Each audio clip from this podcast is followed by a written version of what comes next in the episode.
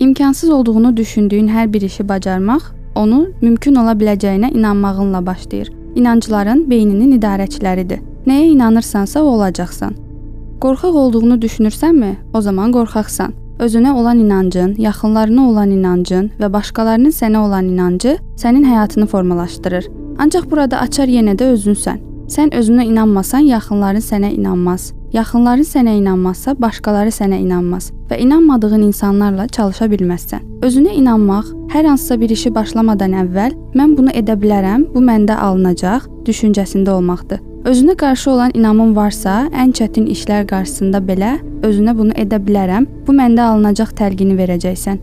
Dəyərli dost, Özünə qarşı olan inamı artırmaq üçün ilk olaraq sənə bunu deyə bilərəm ki, həyatında qazandığın uğurlar və özünə inam arasında paralel bir əlaqə var.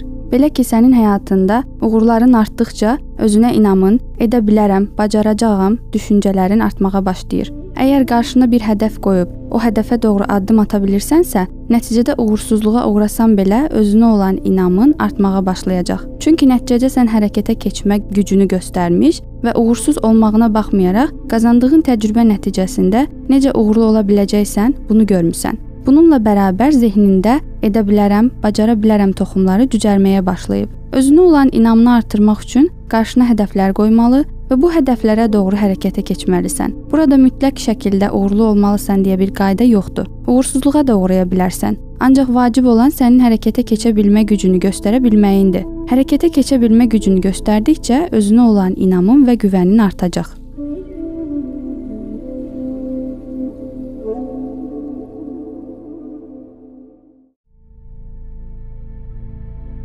İmkansız olduğunu düşündüyün hər bir işi bacarmaq onu mümkün ola biləcəyinə inanmağınla başlayır. İnancların beyninin idarəçiləridir. Nəyə inanırsansa o olacaqsan. Qorxaq olduğunu düşünürsənmi? O zaman qorxaqsan. Özünə olan inancın, yaxınlarına olan inancın və başqalarının sənə olan inancı sənin həyatını formalaşdırır. Ancaq burada açar yenə də özünsən. Sən özünə inanmasan, yaxınların sənə inanmaz. Yaxınların sənə inanmazsa, başqaları sənə inanmaz və inanmadığın insanlarla çalışa bilməzsən. Özünə inanmaq, hər hansısa bir işi başlamadan əvvəl mən bunu edə bilərəm, bu məndə alınacaq düşüncəsində olmaqdır. Özünə qarşı olan inamın varsa, ən çətin işlər qarşısında belə özünə bunu edə bilərəm, bu məndə alınacaq təlqini verəcəksən. Dəyərli dost, Özünə qarşı olan inamı artırmaq üçün ilk olaraq sənə bunu deyə bilərəm ki, həyatında qazandığın uğurlar və özünə inam arasında paralel bir əlaqə var.